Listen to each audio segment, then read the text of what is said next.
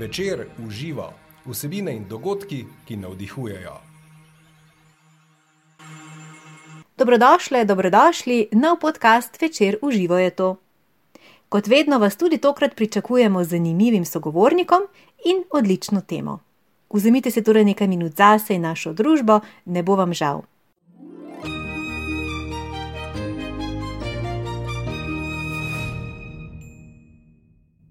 Tokrat nas bo zanimalo, kako pomembna je socialno-emocionalna inteligentnost, kaj pomeni, kaj pomeni delovati na ta način, s kakšno vzgojo lahko svojim otrokom pomagamo, da postanejo take odrasle, stabilne in zdrave osebe.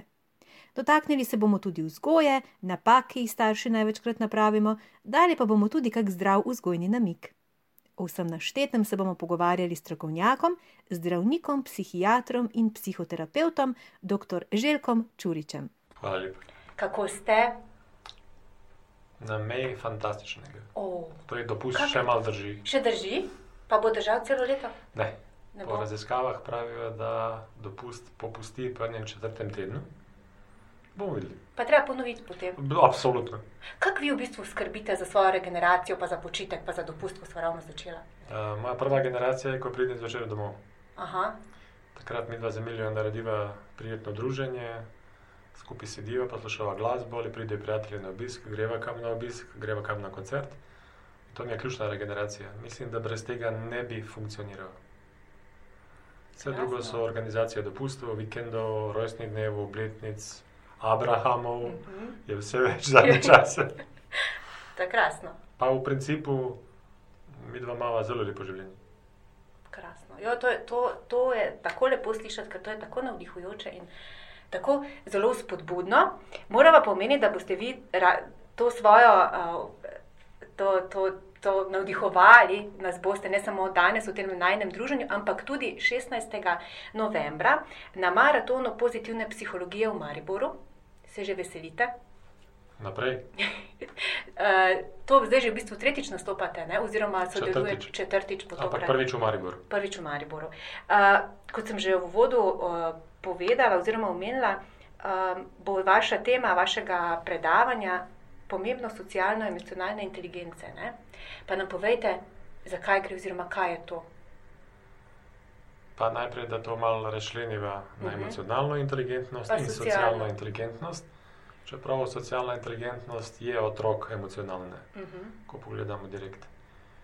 Um, recimo, da je emocionalna inteligentnost zadnjih 15 let ratala že mal paradni konj. Ljudje smo zelo ponosni, da se zgodba ozavešča. To, kar je recimo v moji generaciji bilo večinoma prepovedano Mhm. kot so čustva, počasi se vrača na oder. Starši se bolj ugotavljajo, da je ta zadeva zelo pomembna pri otrocih, pedagogi, ljudi, ki se ukvarjajo z otroci, ljudi, ki se ukvarjajo z drugimi, uh, kadrovski deli podjetja. Enostavno čustva so in je vprašanje, kaj početi z njimi takrat, ko jih ljudje začutijo. V moji generaciji je bilo zelo jasno. Določena čustva so bila prepovedana, posebej za moške. Ženske so imeli to srečo, da jim čustva večinoma zadnjih 200-250 let niso prepovedovali. Tako da ženske ponavadi na testiranju kažejo bistveno boljše rezultate emocionalne inteligentnosti kot moški. Ker so jih razvijali. Ne? Ja, enostavno, če pogledate zgodovino čustev, če pogledate pravljice, pripovedi, spomnite se Maja, samo ene pripovedi, pravljice slovenske, ker moški jokajo. Ja, z muko nije. Tudi ko začne jokati, tako rečemo, ni joči Peter. Sprej takoj prileti Prepoved. prepoved na strah, na žalost, na zaskrbljenost, na tremo, na marsikaj, kar lahko povzroča pri otroku jok. In takrat narediš prepoved ontološke pravice. Sorry, sem uporabil ta izraz, ki je mal dvoumen, ampak mislim na ontologijo kot neodtujivo. Um, ti praktično prepovejo določena čustva. V moji generaciji so uspešno prepovedali skupaj s Hollywoodom in podobnimi Schwarzeneggerji, Bruce Lee, Chuck Norrisi. In moja generacija, sem recimo zelo zgodnji, X ali pozni baby boom, mi smo večinoma emo- emocionalni invalidi. Moški, ki ne znamo čutiti ne strahu, ne žalosti, posledično ne znamo se pravočasno in kvalitetno bati, ne znamo se boriti z anksioznostjo, ne znamo priti na, do konca z zaskrbljenostjo, eh, imamo težave s tremo. Tako da večinoma mojih sovrstnikov imajo težave potem somatiko. Mhm. Potem to počasi gre na psihosomatske bolezni, potem ljudje se pritožujejo na čire na želodcu, na kronove bolezni, na avtoimune bolezni, na zvišan krvni pritisk. In zelo pogosto se potem s psiho ukvarjajo kolege internisti, kardiologi, gastroenterologi, imunologi ali dermatologi. Kar zgleda, da je zgodba tako prepletena, da medicina še vedno ni dobro ugotovila kauzalno logiko, kaj je vzrok, je posledica. In zdaj, recimo, zelo smo ponosni na to, da so čustva spet nazaj, še grobo rečemo, v modi, spet se ukvarjamo z njimi, zelo se raziskujejo, ampak bistvenih premikov ni ravno za opaziti. Ker prvi korak je, da se nekaj dogaja, je ponavadi lingvistika. Če ste opazili, američani izredno rado uporabljajo izraz kot it was completely pathetic. Čeprav se ne zavedajo, da beseda pathetic izhaja iz besede patos, kaj pomeni čustvo. Ker patetik dobesedno prevedeno pomeni, da je bilo čustveno. Drugače ne bi malo napisal patetično simfonijo. Verjetno ni napisal bedno simfonijo, kot američani. Tako da še vedno najdemo sem pa tja, ne se jeziti, ne biti žalostna. Ja, beži. Preletijo prepovedi na ontološka čustva, ki jih ljudje krvavo rabimo, da sploh pridemo sami sabo do konca, da prebavimo dogodek, da ga razumemo, da na podlagi tega odraščamo naprej. In zdaj se tukaj mal premika. Recimo, že moja generacija, ko smo vzgajali naše otroke, smo do čustva imeli bistveno drugačen pristop. Poprej si jim povem, uh, meni je ta prepoved čustev že kot otroku malo šla na živce. Ste čutili, da ni to naravno? Absolutno sem imel občutek, da me stiskajo, da me, da me tišuje en oklep, ki mi ni bil všeč. Potem so, me, potem so nas tiskali še, o, tišali v osnovni šoli, šoli še v uh, tišino, mok. Govoriti na glas je bilo neprimerno, je motilo dogodek, je motilo delo, to so počeli v srednji šoli. In nekako sem hotel stopiti ven iz vsega tega in sem imel srečo, da sem naletel na mojo profesorico gimnaziji filozofije, psihologije, semantike in logike, ki se z nami pogovarjala o čustvih na široko in na veliko.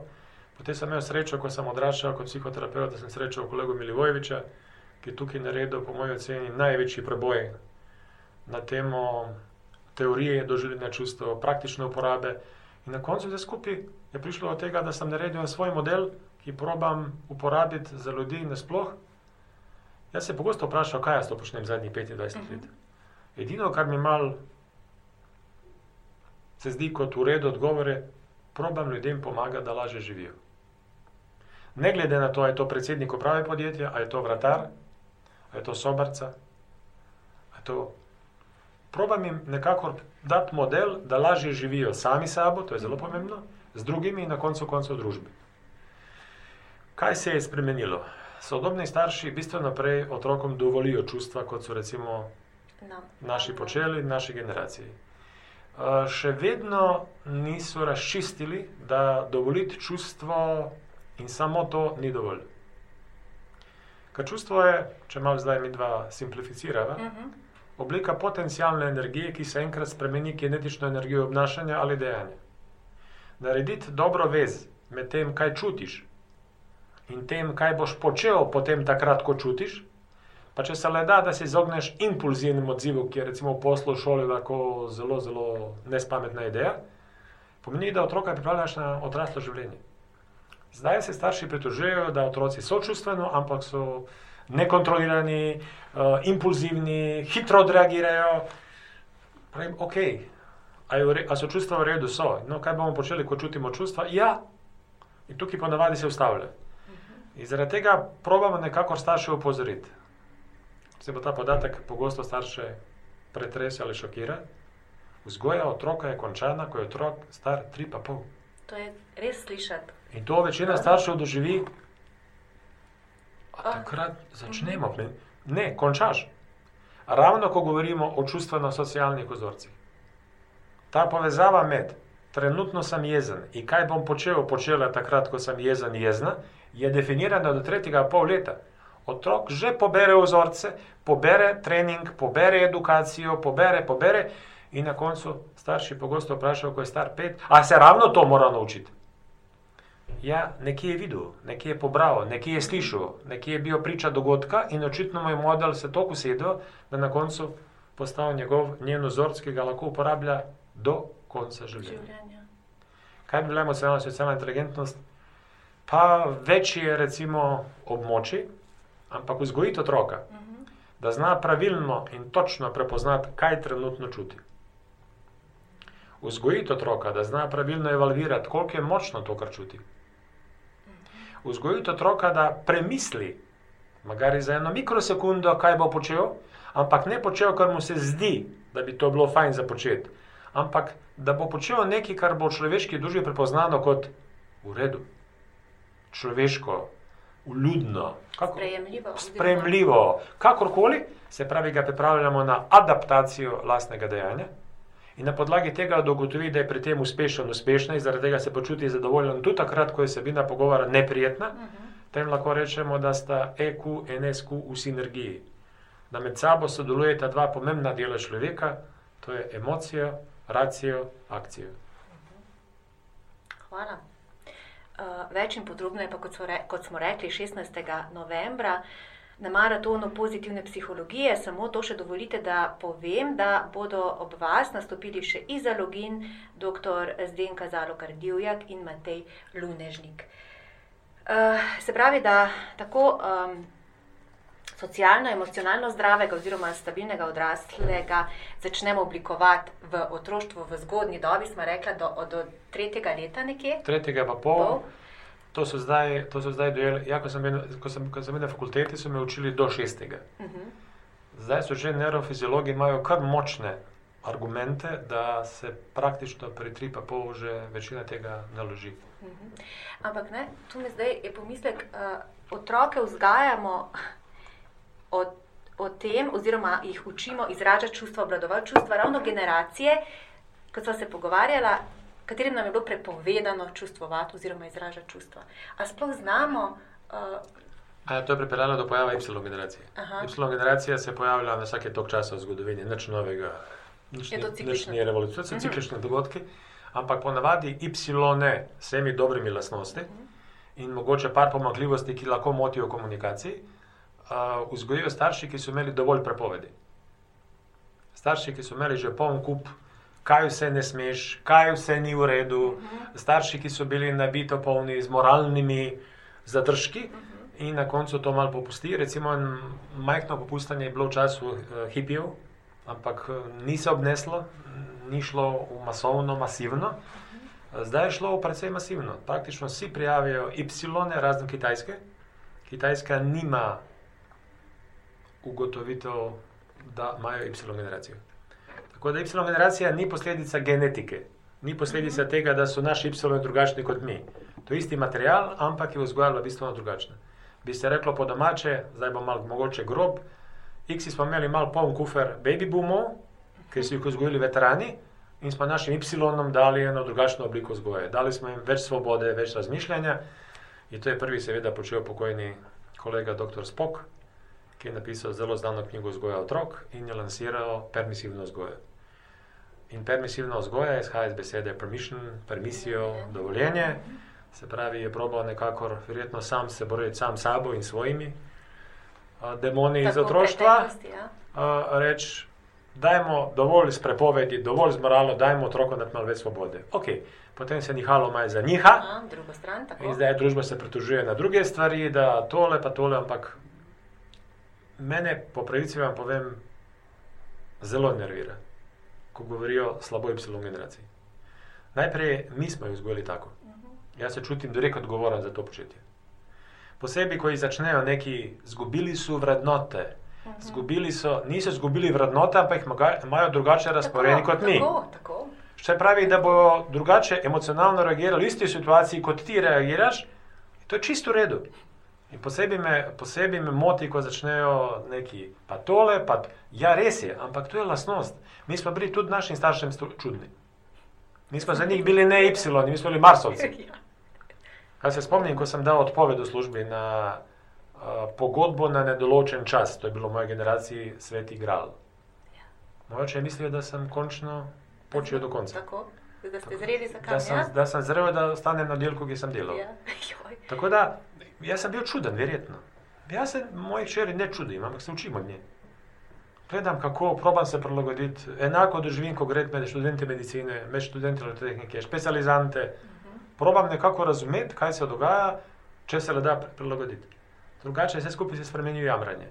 Eni jamrajo, drugi se pritožujejo, eni so jezni. Jaz sem bil zelo počaščen. Ne, mora, ne morem opisati koliko.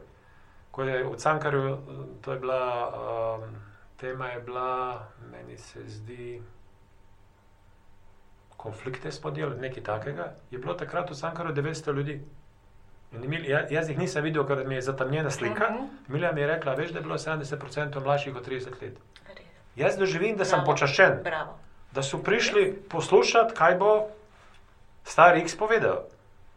Meni je to v čast in veselje in zadovoljstvo. Na koncu koncev moji vsi zaposleni, razen mene, Niko in Saša, vsi so Z, Y generacija. Imamo že Z generacijo. Aha. Ni to Y. mlajši, ja. Imamo, imamo magistro psihologije, ki je Z generacija. Me, po pravici vam povem, meni gre užitek. Krasno. Tudi pri vaših črki, če bi takle rekli um, pod črto, vam je uspelo. Oziroma, bom rekel, kaj je bil sploh cilj, ka, ka, kako, kako žensko ste želeli, da. Hče, kak je vaših črki ime? Andreja, Andreja, da zraste. mislim, da nisem imel nobenih ciljev, samo želje. Aha. Ker mi dva sva z Emilijo počela to zelo, zelo liberalno. mhm.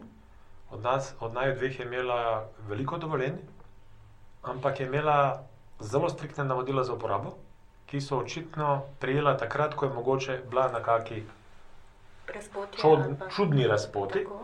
ker ona ni kazala nobenih odklonov, da bi rekli, da je zašla tam, kar naj jaz ne bi, da zajde. To so v vsakem primeru kriminal, Mhm. prostitucija, mamila, alkohol. Tako da v principu, zdaj, da smo naredili dobro v prvih treh letih. Tako da moja želja je, da mlada odraste, da postane avtonomna, da postane samostojna, da postane uspešna in da je minimalno ene sedemkrat na dan srečna. Kar ji meni se zdi uspeva. Uh, zdaj končno najdla enega partnerja, s katerim ostaja dlje časa, ima občutek, da sta kompatibilna, pa da se lepo adaptirate drug na drugega. In mislim, da je to vse, kar je pri obeh naloženo kot know-how, uporabljata na praktičen in dober način. Uh, edini zdaj, kdaj me je šokirala včeraj, je bilo, da je že na drugem letniku prava odprla firmo. Takrat naprej skrbi za. Krasno.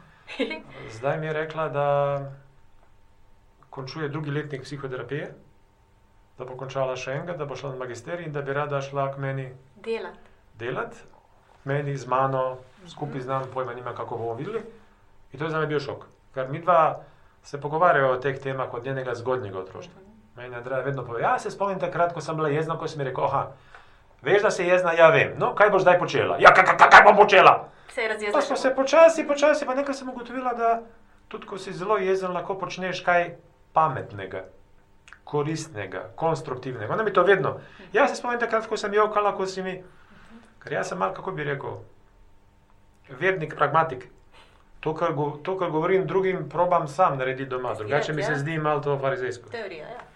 Tako da zdaj mlada dama, če se kaj ne zgodi vmes, je šansa, da pride k nam, zanimajo delavnice, rada bi delala z ljudmi. Lep, lepa novica. Krasno, to zna biti odlično sodelovanje. Ma, uh, Bomo videli, ne pozabite, ne pozabite, da družinska razmerja niso dober predpogoj. Partnersk, uh, Niso dober predpogoj za posel, moramo biti oba previdna, da ne bi Aha. kaj zamišljala. Bomo videli. Ja. Ne, par let bo trajalo, verjetno vajanje.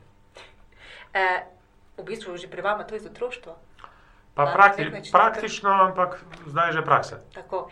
Uh, doktor Čurič, uh, tak, lepo ste omenili komunikacijo, da sta se vidva z Andrejo, s ščirko pogovarjala, ko je bila jezna in, in da, to, da so to še zdaj njeni spomini. Res komunikacija je bistvena pri vzgoji. In mi otroke podcenjujemo, ne? že kot male.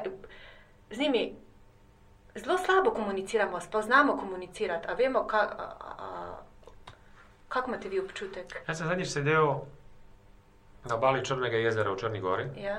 to je dormitor, da si bilo ene 15. Fantastično. Podobno fantastično kot je Bog in Bled, Mhm. narava, hrana.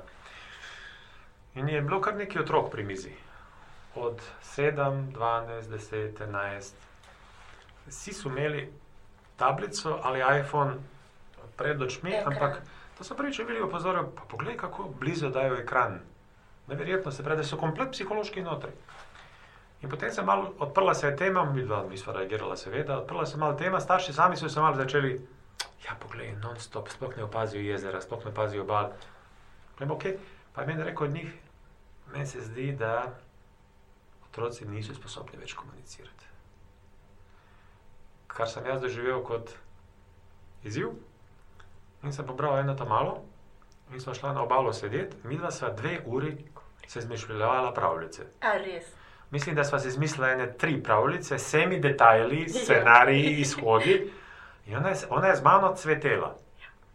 Ampak eh, ne vem, če so starši kaj iz tega dobili ven, ker sem opazil, dokler sva mi dva sedela na obali, ona dva sta gledala. Tako da meni se zdi, da je interakcija. Jaz nimam nič proti mobilnim, nič nimam proti. To je oblika komunikacije, mogoče čez 50 let bo edina. Ne vem, ne znam povedati, ker trendi so. Mogoče sem jaz samo še dinozaver, ki je sposoben gledati obalo jezera, ampak v principu meni se zdi, da se da to zavrteti kmalo zelo zanimivo.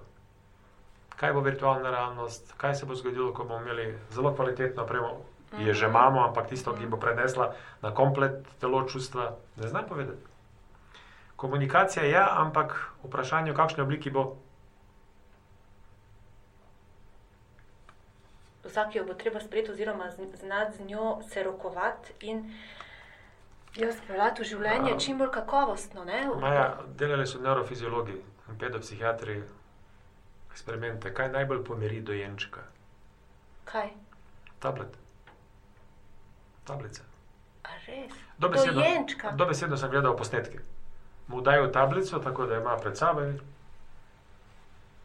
mesmeriziran, bi rekli To, moji predniki. Dobe, dobesedno gre za eno obliko transa in hipnoze. se Tako da, veste kako, ko imaš vse pod kontrolo, pa je vse scenarizirano, pa je vse editirano, pa je vse prilagojeno tebi, to se sliši zelo mamljivo. In zadnjič je bila ena raziskava, ki je meni bila zelo zanimiva. Ugotovili so, da se otroci boljše počutijo v igrica kot v realnosti. Ključno vprašanje je, zakaj.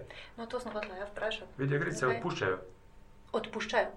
Imaš retry, repeat. Ja, točno. Zgubiš neki točk. Tako, tako. Ampak hitro, ponovi še enkrat. Mhm. Uh, videoigrice ne kritizirajo. Videoigrice nimajo neprijetnih sporočil, razen za hec, ko ti se kaj zgodi, pa se suje. Se pravi, ampak ključno je, da odpuščajo in dovolijo napako, in ti dovolijo, da narediš še enkrat. Mhm. Kar v življenju pogosto ni. Uh, potem je tudi scenarij prilagojen, ni umazanih smrdečih lukenj, razen če to ni del videoigrice. Tako da je zgodba pod kontrolo tok in ti si tam v parih sekundah kralj, kralj sveta, si uspešen, pomemben, te spoštujejo, ti sledijo. Tako da eni neurofiziologi so naredili no, hece na svet.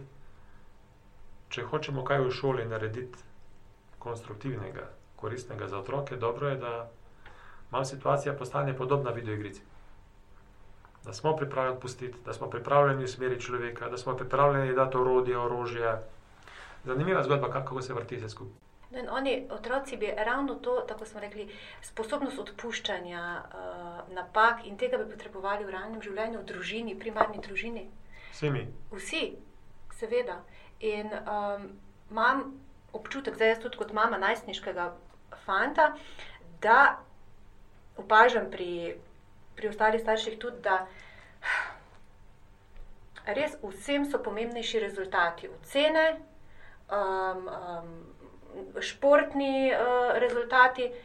Redko kdaj se kak starš vpraša, kak, za kako ceno otroka, oziroma za, me zanima jih, kaj oni čutijo tukaj uh, ob doseganju vseh teh uh, naslovov in doseganju uspehov. Smo tukaj zgrešili, ne? Maja, uh, tradicija v Sloveniji je beseda pridnost, Ja, ki je Y slišati nočejo. jaz dobim ravlince, Mm.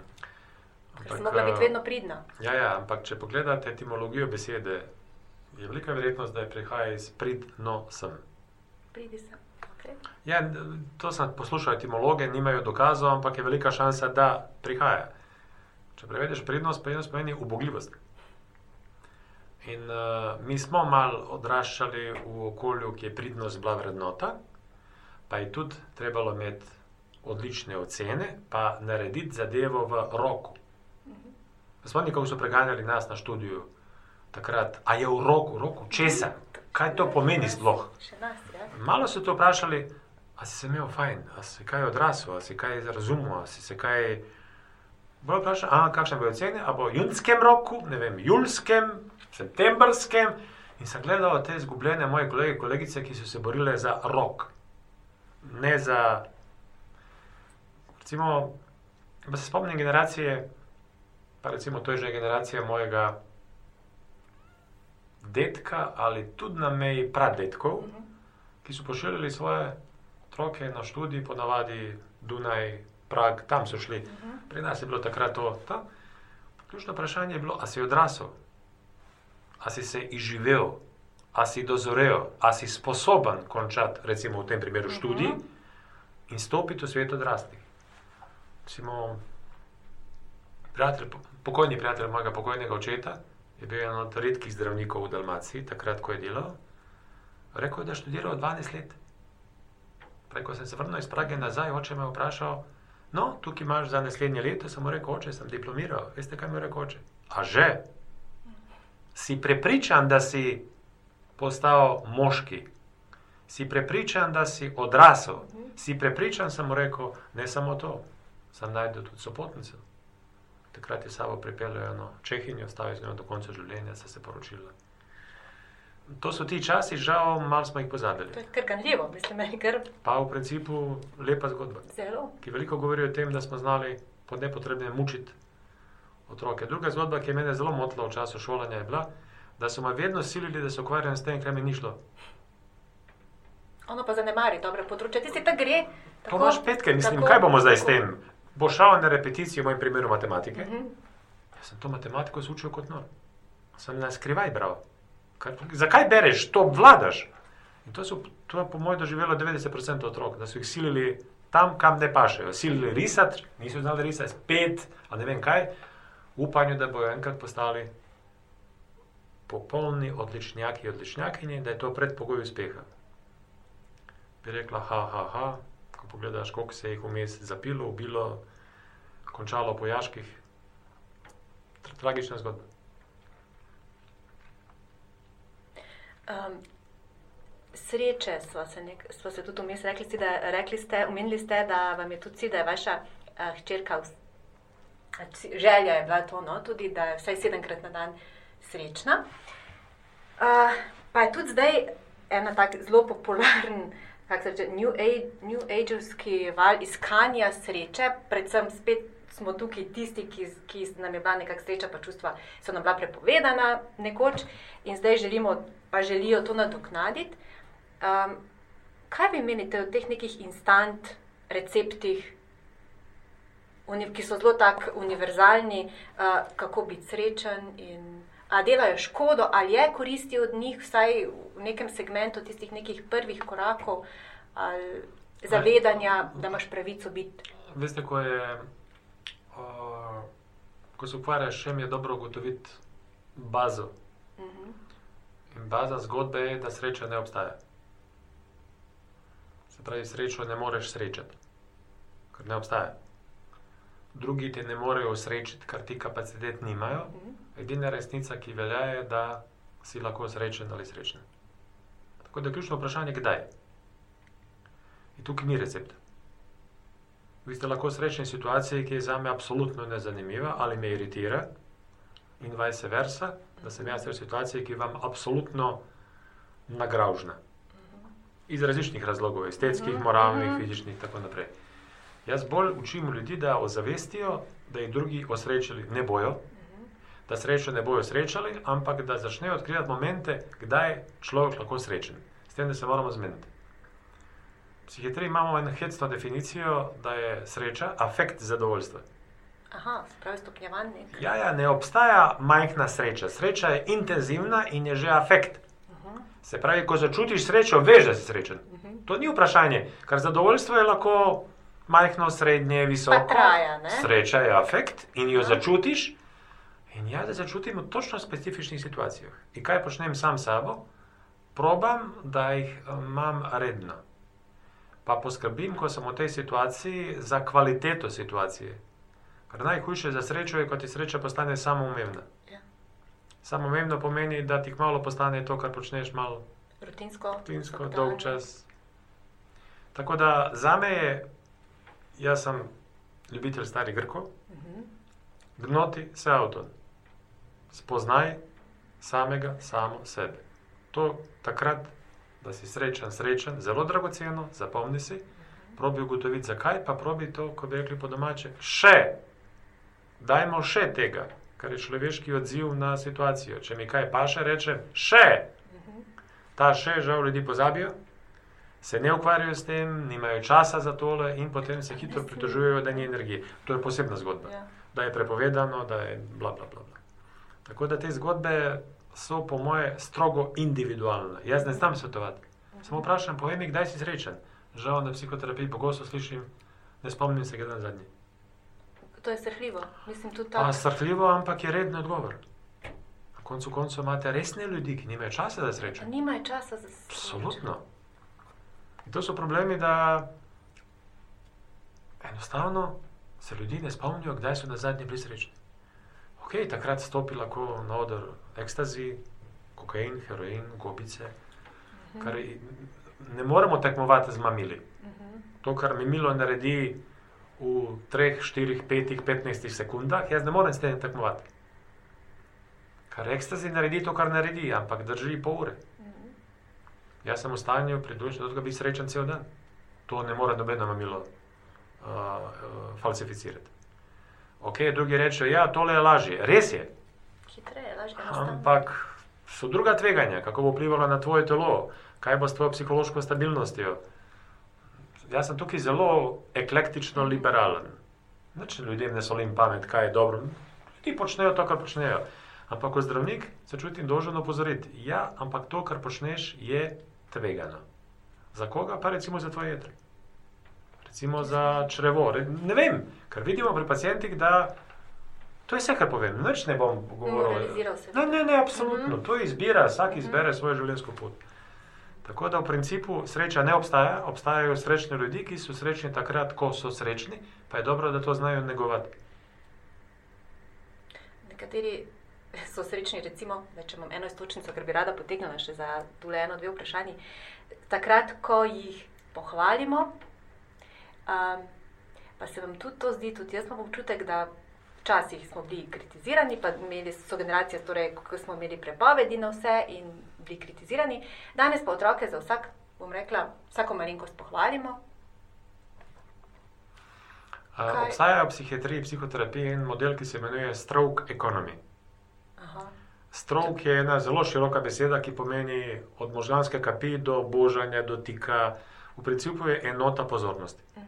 To je mogoče najbližji, mogoče malo mehanicističen prevod, pa najbližji resnici.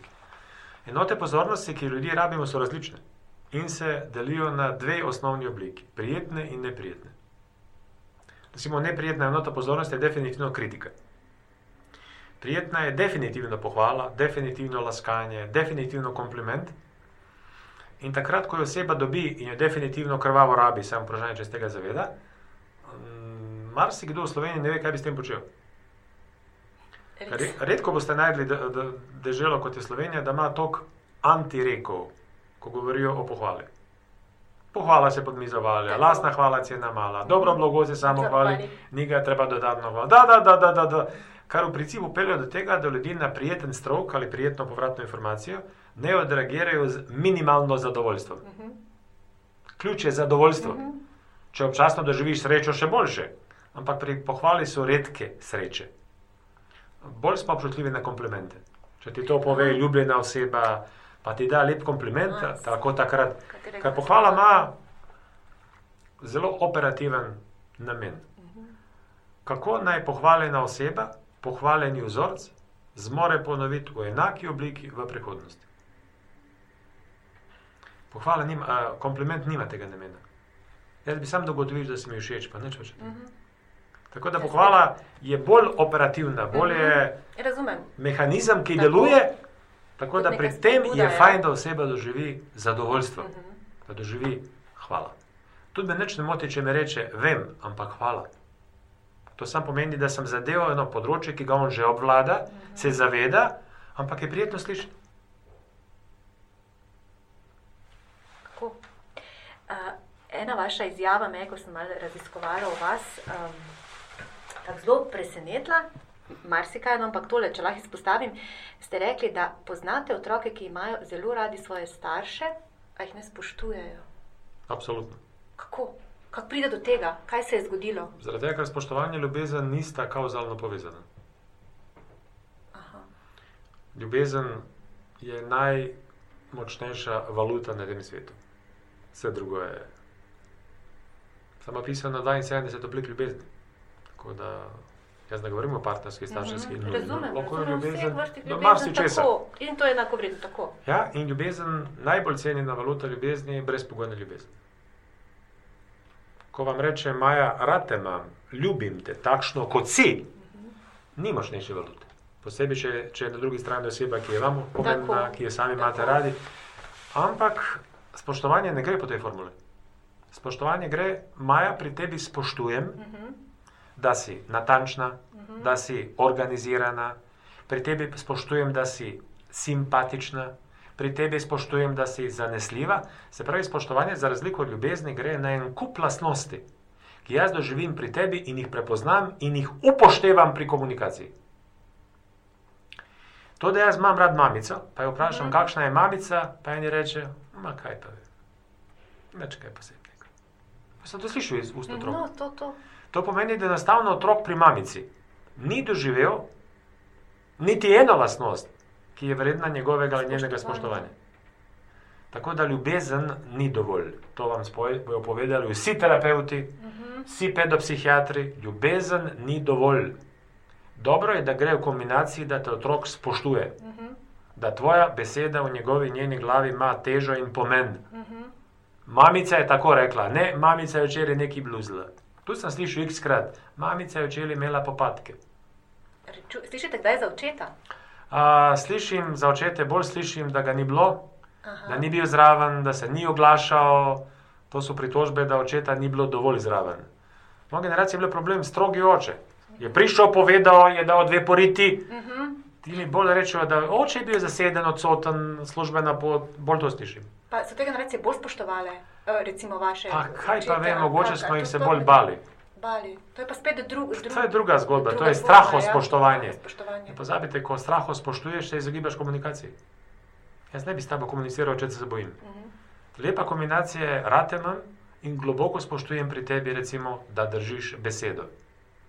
Spoštujem, da si zanesljiv, spoštujem, da si dosleden, spoštujem in na koncu to počasi postajajo moje vrednote. Potem starši vprašajo, a se ravno to mora naučiti. Ja, sorry, copy-paste deluje. To je točno zgled, no vse to sva rekla. Ne? Pa to vam je staro pravilo. Ja, ja. Gnoti se avtom, spoznaj samega sabo sebe in potem angliščina, walk your talk and talk your work. Otroci ne prenašajo farizejstva. Kmalo ugotovijo, da to, kar ti govoriš, on njemu govori proti mamilom, potem vidi očeta mrtvo pijanega v jašku. Ne gre to skupaj, mi možemo reči liberalno.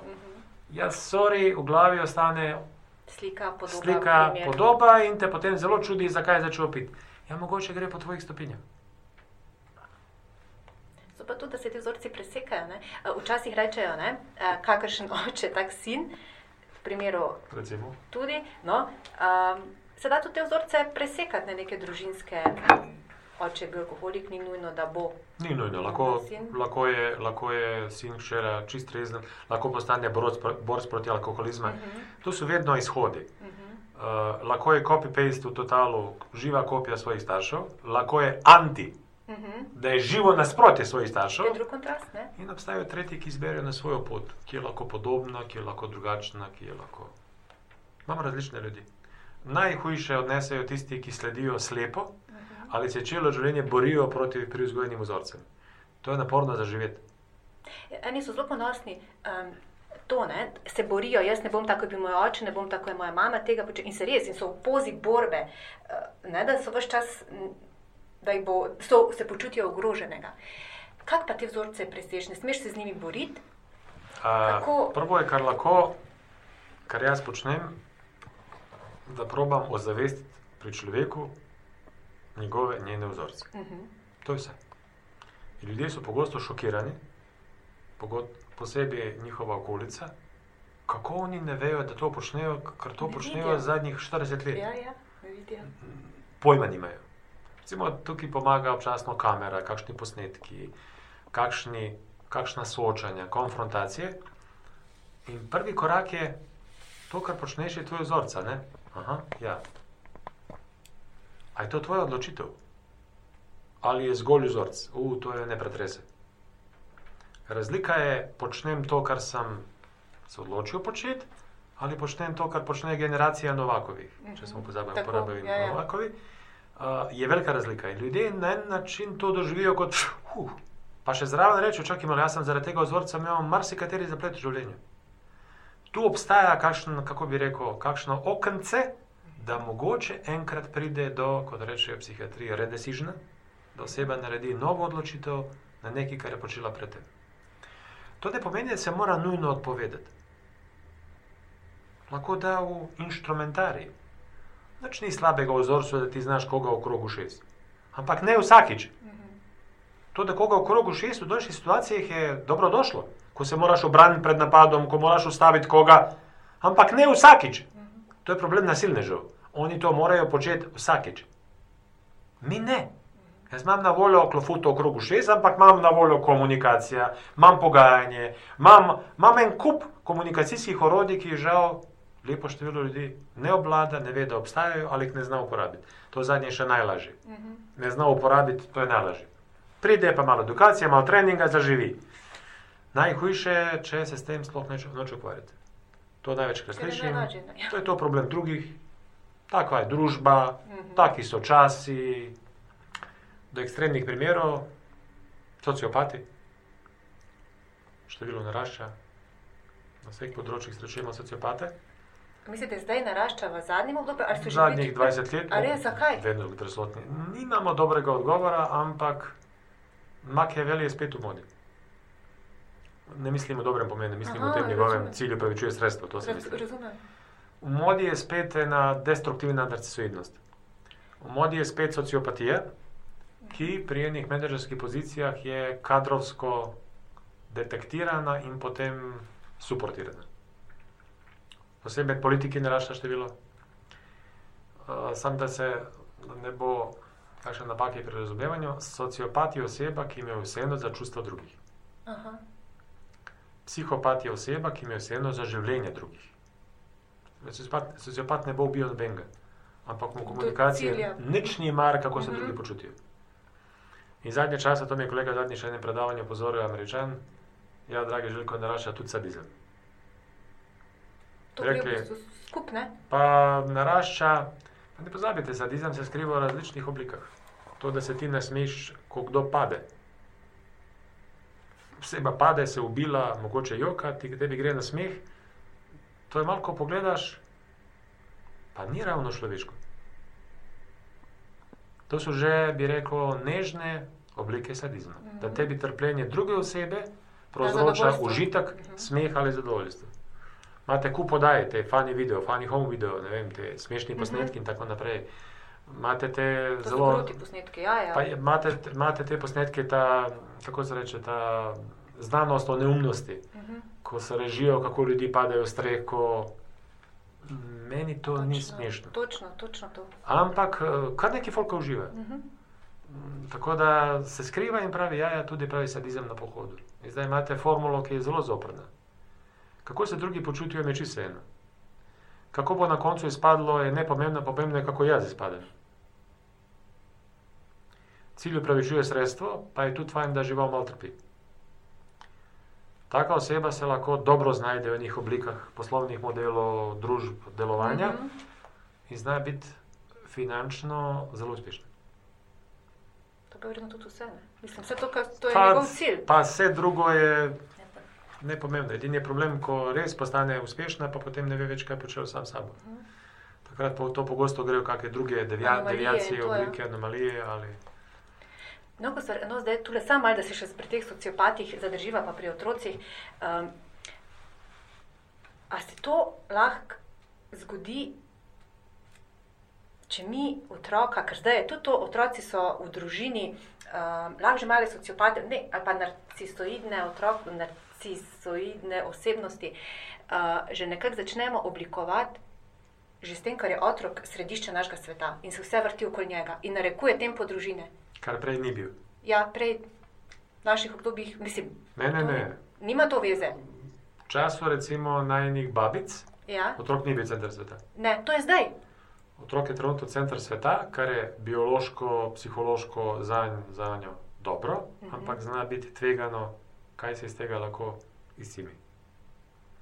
Ker center sveta je ok, ko gre za skrb, ko gre za nego, ko Mhm. gre za hrano, ko gre Tako za neko okolje. varnost, ne? Ampak, eh, ko spustiš iz rok vodenje in te začne otrok voditi, se raziskave ugotavljajo, da je otrok star šest mesecev sposoben voditi družino. No, to. A, takrat lahko pride do neušečnosti. Takrat se lahko razvije kakšna od teh oblik. Ker otrok po naravi ni sociopat, absolutno ne. Otrok je po naravi pripadnik, pripadnica skupine. Mhm. Zdaj, odvisno, kako se skupina do njega obnaša. A ga takoj da na piedestal in reče: Ti si naš bog, naš car, naša kraljina. Ali reče: Tukaj si varen, imamo te radi, skrbimo za te, ampak tudi bomo povedali, kakšno krepko, Tako. tudi bomo ukrepali, tudi bomo tole. Otrok se kmalo pomiri in začne. To je zanimivo, da veterinari, ki se ukvarjajo s psihologijo, imajo iste izkušnje. Da tudi pes, ko pride v urejeno skupino, kjer se točno ve, kdo je vodja, kdo je svetovalec, kdo je organizator, začnejo se tudi sami pomiriti.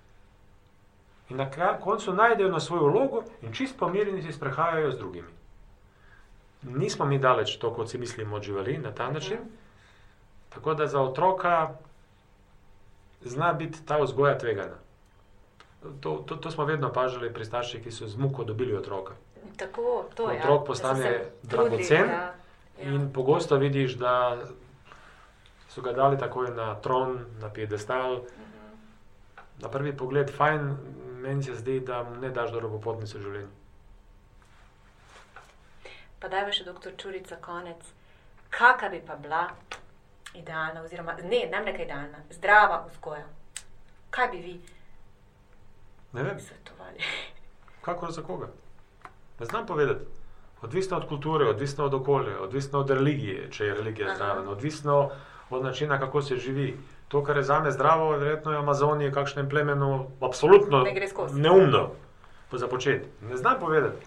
Meni se zdi, vzgojiti otroka, da misli svojo glavo, prevzame odgovornost za lastno početje. To mi se zdi zelo pomembno. Podčrtano, ne? Absolutno. Da zna prepoznati energijo čustev, da je zna razumsko predelati in na koncu se obnašati prilagojeno tam, kjer živi, pa meni se to zdi ok. Če se zraven imate srečo, ker to je res bingo, da otrok ima kakšen talent, pa mu dati možnost, da se tukaj zna izraziti. Če imate srečo, da je otrok zelo inteligenten, niso vsi otroci enako inteligentni, pa mu tukaj znate malo ga podpreti, da se razvije kot človek, meni se zdi, da lahko postane uspešna odrasla oseba. Ker jaz sem srečal različne srečne ljudi. Srečal, srečal sem srečne predsednike uprave, srečal sem srečne vratarje, srečne pastirje, srečal sem različna srečna plemena in nasprotje, nesrečne predsednike uprave, nesrečne vratarje. Jaz ne verjamem, da so vsi Indijci a priorno Srečni. produhovljeni in srečni. Produhovljeni, ja. Jaz verjamem, da so eni Indijci srečni, eni so nesrečni. Zdaj je ključno vprašanje, ko rečejo vsake svoje sreče kovače. Prav izkušnje pravijo, da je vsak svoje nesreče kovač. Ljudje, se- eni se zelo potrudijo, da so kronično nesrečni, nezadovoljni in to kronično počnejo. In so srečni, ko so nesrečni. Jih to iz... Marsikaj. In, Ja. in, in s tem dobijo pozornost, Ja, to odprejo kot temo pogovora.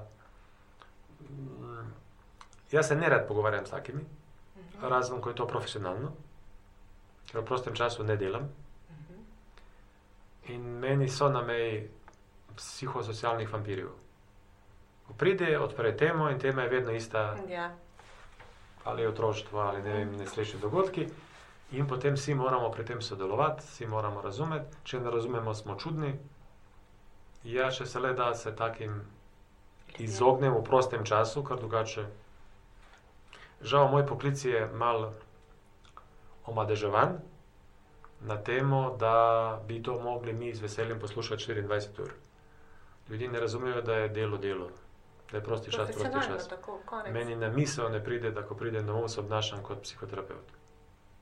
Na misel. Jaz sem doma mož, sem doma oče, doma sem prijatelj, doma sem sorodnik, doma sem stric. Jaz nikoli moj Andrej nisem povedal, ko je rekla, oče, imam težave. No, kako se je to začelo? Vpraša ljubica, kaj je bilo, pridi, pridi used se z mano. Obnašam se kot oče. To je vse. Doktor Željko Čurič, hvala lepa. Lep pogovor je bil. Hvala Maja vam. Veselimo se, ker boste z nami tudi, kot smo že, kot smo že rekli, 16. novembra na maratonu pozitivne psihologije v Mariboru. Spremljajte nas na Facebook strani, na spletni strani Večer uživo in na našem YouTube kanalu. Z vami sem bila Maja Furman, srčno in srečno do kmalu. Večer v živo. Tretji maraton pozitivne psihologije v Mariboru. V soboto 16. novembra od 15. do 21. v Narodnem domu, ker nihče ne more živeti na mesto vas.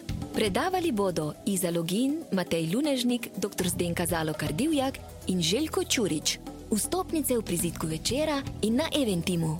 Tretji maraton pozitivne psihologije v Mariboru 16. novembra od 15. do 21. v Narodnem domu. Vabljeni!